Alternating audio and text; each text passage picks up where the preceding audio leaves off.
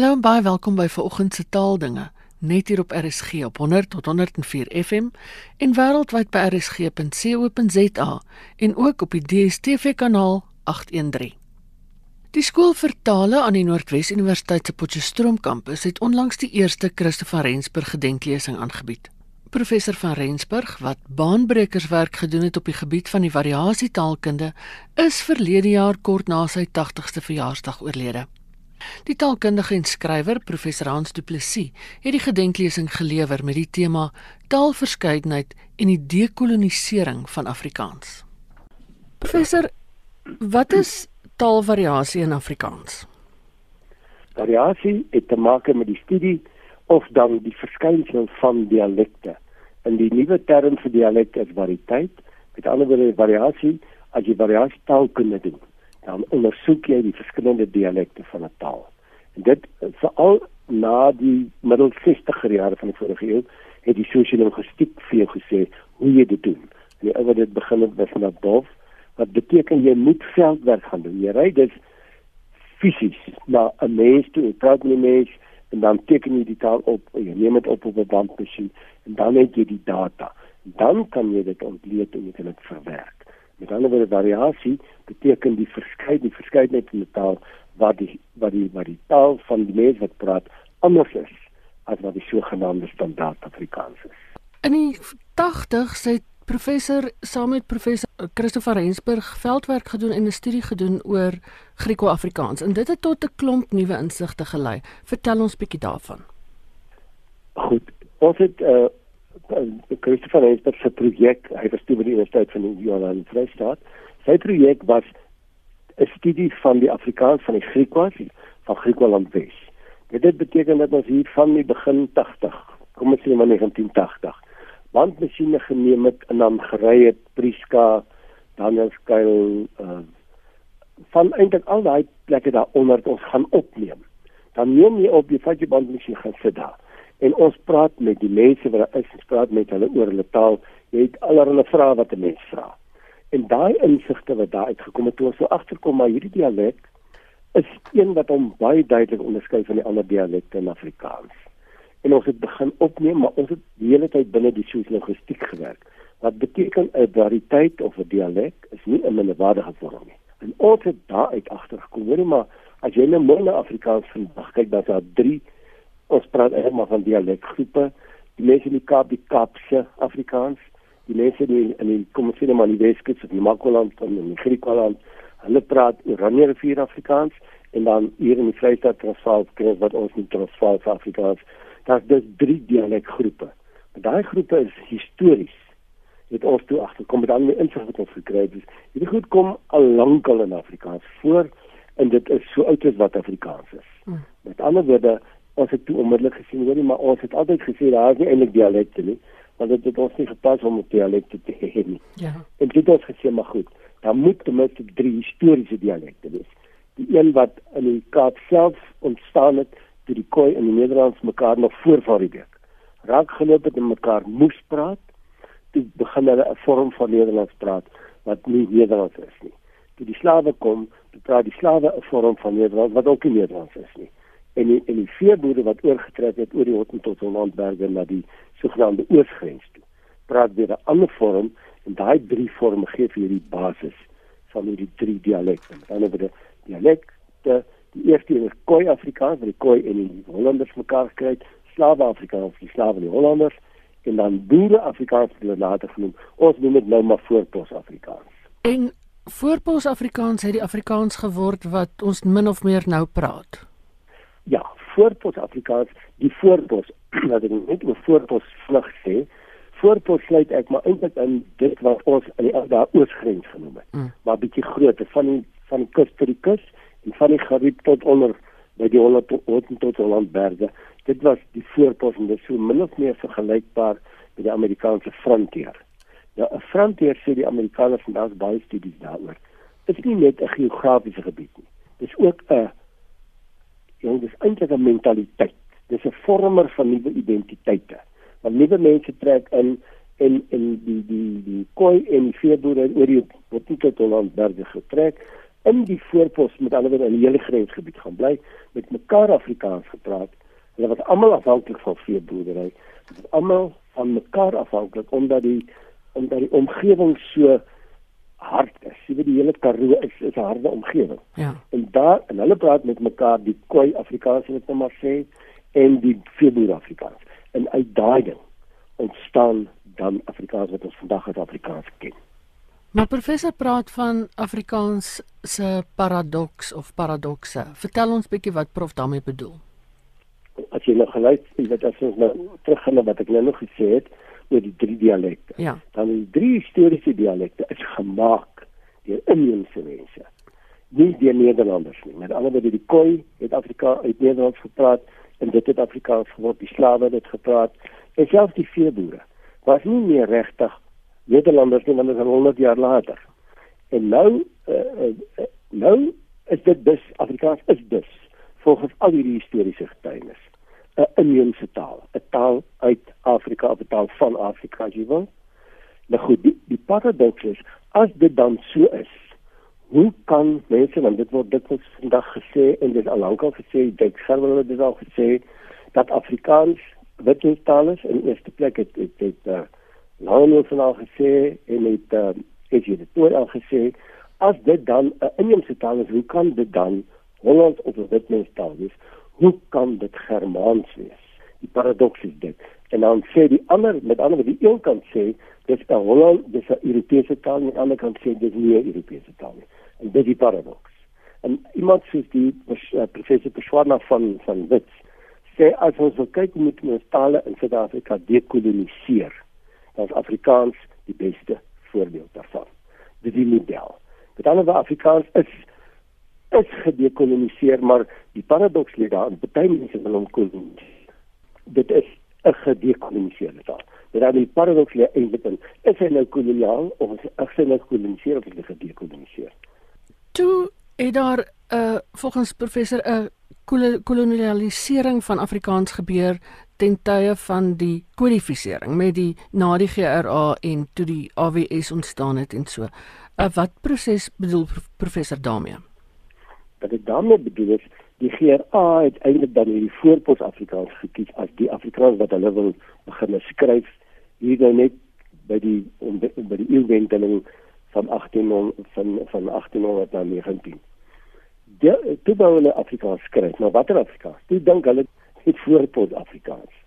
En terselfdertyd in hier in die noorde is die akademie gestig. Die akademie sê nee, maar jy kan nie daai Afrikaans gebruik nie, want dit gaan toe na die Anglo-Boere oorlog daaroor. Al die skole word nou Engels. Nou wil hulle dit Afrikaans hê, maar daar is nie Afrikaanse leermateriaal nie. Nou moet ons dus 'n standaard taal ontwikkel. En toe begin die standaardisering van Afrikaans. En al wat dit beteken is maak van 'n taal 'n skryftaal. Kodifiseer is 'n mooi woord. Ja. Dit moet Afrika toe moet die Afrikaans gekodifiseer word, maar watter Afrikaans? En die die ouens wat die kodifisering te doen, die akademie die sertifikaat akademie wetenskap en kuns in 1909 het eintlik 'n Hollandse inbeweging en hulle het hom vir Nederlands. Hulle het hulle geskaam vir die kombuistaal of vir die voorpos Afrikaans of vir die GRA Afrikaans. En so mate hulle hulle self van die verfoeilike detoy taal gepraat het. Toe standaardiseer Afrikaans maar op. Sterkte van Nederlands dan kry jy ook die prestasies van Nederlands. En toe word die hele ding vir Europees en en met ander ons skryftaal word vir Europees en dit kan nie in die in die ontwikkeling van die Afrikaanse woordelys gestel word baie duidelik sien. Toe koloniseer ons hom teen 1900. En dit het saamgeloop natuurlik met die opkoms van eng Afrikaner nasionalisme, dit is 'n politieke goed daarbey. Maar toe koloniseer ons dis wat ek bedoel. Met ander woorde, hy's inheems en toe vir Europees ons hom deur die skryftaal se standaardisering Nederlandser te maak as wat hy was en dan kry jy 'n gekoloniseerde taal. Maar omtrent van die helfte van die vorige eeu af het die navorsing al hoe meer daarop gedui dat ehm um, Afrikaanse wortels baie ouer is soos ons nou gepraat het. Ehm um, 'n Nederlander soos die Hans ten Beste het daaroor gepraat en natuurlik professor van Rensburg. En toe kom dit nou weer terug by 'n proses van dekolonisering as ek dit nie mis het nie. Voor die opbou van die Tweede Wêreldoorlog, dan het in die eerste helfte van die vorige eeu. Ja se dialek 'n merkwaardige vorm van 'n taal. Die sosiologistiek het gekom en sê maar dit is nie so nie. 'n Dialek is maar net 'n ander vorm van dieselfde taal. Met ander woorde dialekte is nie minderwaardige vorme nie. Dis 'n nuwe beskouing van 'n dialek. En met die opkoms van die sosiologistiek en die studie van Afrikaanse variasietaalkunde hier in die 80er en 90er jare het gesê hoor maar kom ons kyk dan weer net oor en dis daai studie wat veroorsaak dat ons nou dialekte soos Grieks-Afrikaans, soos Kaapse Afrikaans, soos Namakoland, wat er uh, dialek ook al. Dit is nie 'n waardige vorm nie. Dis die ou gesproke vorme van Afrikaans. Maar dan moet bring dit terug en kyk na die geskiedenis en sien, o, maar die geskiedenis is meer gedekoloniseer as wat ons gedink het. En dis die variasietaalkunde wat daai insig te bring. Op die oomblik sukkel ons met uh, druk op Afrikaans weer eens en ag toenemende aanvalle Panjasa Lesofie die LER van onderwys in Gauteng hmm. wat sê hoekom wil julle nog Afrikaans leer? En so volgens hom is dit dus 'n uh, steeds die taal van die onderdrukker die koloniale invloed. Hoe bring 'n mens hierdie boodskap dat dit eintlik 'n gedekoloniseerde taal reeds is by daai soort van mense uit? Hoe verander mense hulle instelling daaroor instelling is uh, baie meer 'n uh, akademiese instelling sien ek sê. Dit is uit op wetenskaplike gronde. Ja. maar 'n mens moet verstaan die teen Afrikaans die gevoel teen Afrikaans spruit uit 'n politieke bestel uit. Ja. en in daai politieke bestel is Afrikaans terselfdertyd gekoloniseer. Met ander woorde ons praat nie van dieselfde Afrikaans nie. Sofie die Afrikaans waarvan Sofie praat is die die gekoloniseerde standaard Afrikaans die Afrikaans waarvan ons praat is die een wat ons almal hier vandag praat wat ek en jy nou met mekaar praat. En en maar om 'n om 'n politiek om 'n politieke siening te verander op grond van 'n wetenskaplike insig is is niemand se maat en dis nie maklik nie. Dan die oomblik as jy dit doen as jy o, ja, maar nou is ons skielik goed genoeg en ons was nie. Maar die oomblik as die politici kan besef dat Afrikaans het 'n Afrika geskiedenis, hy het 'n Afrika taal En op papier is dit iets anders. Maar ons praat van die een wat ons almal mee praat, die een wat ons in skole gaan gebruik om op onderrig te maak. En 'n mens moet dan maar net hierdie mense oortuig daarvan dat Afrikaans 'n weier ding as die apartheidstaal is, 'n weier ding as die onderdrukkerstaal. En onderdrukkerstaal is nie 'n relatiewe ding. Ja. Want ek bedoel, hoekom is Engels anders hier as wat hy is, is omdat hy onderdrukkerstaal was. Hoekom is Spaans so groot? Hy is onderdrukkerstaal. Hoekom is Mandarijn so groot? Hy is onderdrukkerstaal. So dit dit die, die feit dat ding om nie gebruik nie. Maar op julle argument moet wees, hierdie taal is oper as wat ons dink. Hierdie taal is eintlik die versoener in Suid-Afrika. Want hy is die enigste moedertaal wat sowel 'n been in Afrika as in Europa het. Professor, maar dan moet tog 'n standaardvorm van 'n taal wees. Dit hoef nie standaard genoem te word nie, maar daar moet so 'n soort neutrale dink ek so 'n soort neutrale vorm wees wat almal min of meer verstaan in die koerant en oor die radio en op televisie en so aan. Is dit nie ja, so nie? Dit dit is inderdaad so gerad luister en sy taalkommissie praat van 'n algemene taal. Dit is die boektaal, die skryftaal, die mediataal. Die een waarin jy 'n uh, uh, byvoorbeeld gaan preek as jy 'n predikant is. Die een waarin jy 'n uh, amptelike nuusbulletin oor RSG gaan lees. En daar is reg en verkeerd. Ja. Maar dit maak nie saak dat as ek in Grieko-Afrikaans sê hulle hulle hy jy dis dis dis 'n anderlike dingetjie. Is dit nie verkeerd nie, dit net in die variëteit iets anders. Met ander woorde daai taal wat ons sê is dit die die standaard wat ons maak. Jy skep 'n standaard sodat wanneer mense oor die dialekgrense met mekaar kommunikeer gewoonlik op skrif, dan sal hulle in hierdie algemene inpraat wat ons dan algemene uh, standaard noem, noem standaard, besoek 'n ander woord maar hy moet bestaan. Uh, dan moet 'n standaard vorm wees. Wat jy noem maak nie regtig saak nie. Maar daai standaard vorm beteken 'n algemene kommunikasiemiddel vir nuwe vlak goed. Dit is die algemene taal en hy moet daar weet want dit moet moet daar 'n norm wees. Alles van ons jaar daar stel dat niemand kan niemand kan verstaan wat ek sê want jy skryf dan anders as ek. Daai norm, maar dit maak nie al die ander verkeerd nie. Dit maak net al die ander anders as een vorm van Afrikaans wat wil hê. Dit is wat ons skryf, daar spel jy onmiddellik met PD's te hulle, maar dit dalk op reg of verkeerd volgens jou is. As die taalkommissie sê dis so dat is dit so. Ja. Want dit is dan net die algemene hoofvlak of hooffunksie kommunikasietaal. En dit moet alle tale hê anders sal daar soveel verwarring wees. Hierdie is 'n norm ding waarvan ons nou praat.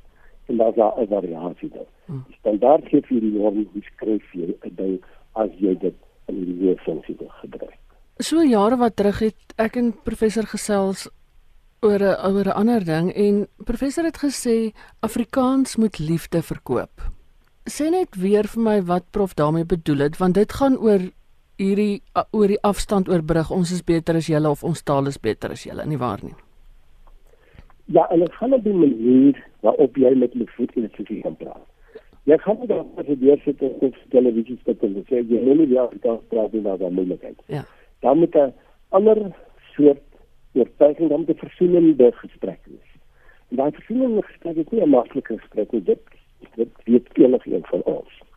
Maar dan moet 'n gesprek wees wat jy weet, kom ons begin net by waar die ooreenkomste is. Kom ons begin by wat beteken Afrikaans nie vir jou of vir swart uit in Soweto wat vir Sipi uh, moet dit al is.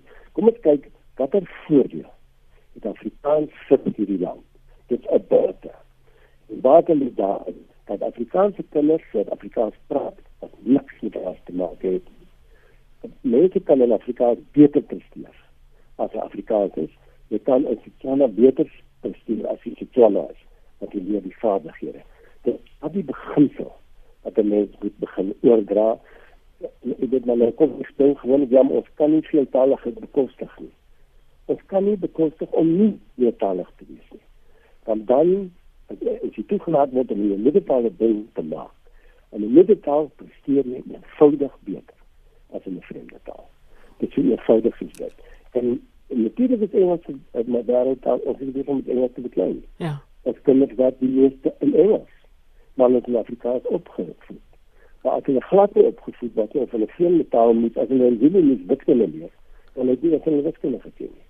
Met ander woorde daar daar 'n gesprek van kom ons begin by wat is die voordeel van die taalheid. Kom ons moet begin by wat is die nadeel en wat is ons onderdruk en wat is ons mooi en wat is moeilik want dit is relatief goed en dit is politieke uitsprake. Dit het met taal en met die identiteit van die mense die taal gebruik niks te doen. Professor het nou die gedenklesing gelewer oor uh wyle professor Christopher Reinsberg. Ten slotte, wat is sy nalatenskap vir Afrikaans? Jy hier dink van versoening Ina. Christopher Reinsberg het al die sy werk wat hy gedoen het, was gerig op hoe versoen ons, hoe kan ons in liefde die taal verkoop aan ander mense. En dit weet ek sê, hierdie mense wat om praat, so praat hulle om die mense wat Grieks-Afrikaans praat is net so deel van Afrikaans as die mense wat in Pretoria standaard Afrikaans in die radio lees. Hmm. Dit is in met ander woorde, die nalatenskap lê daarin dat die verskeidenheid Afrikaanse, al die klompe Afrikaans by mekaar, is die eiland van die hele Afrikaans. Met ander woorde, Afrikaans is die som totaal van al sy dialekte en Afrikaans behoort aan al die mense wat hom gebruik moedertaal of nie moedertaal. Dit was die skrywer, taalkundige en 'n navorsingsgenoot aan die NWU, professor Hans Du Plessis. daarmee is dit tyd om te groet. Ek hoor graag van jou. My e-posadres is strydom@sabc.co.za. Geniet die res van die Sondag in RSG se geselskap en van my Ina Strydom. Groete tot 'n volgende keer.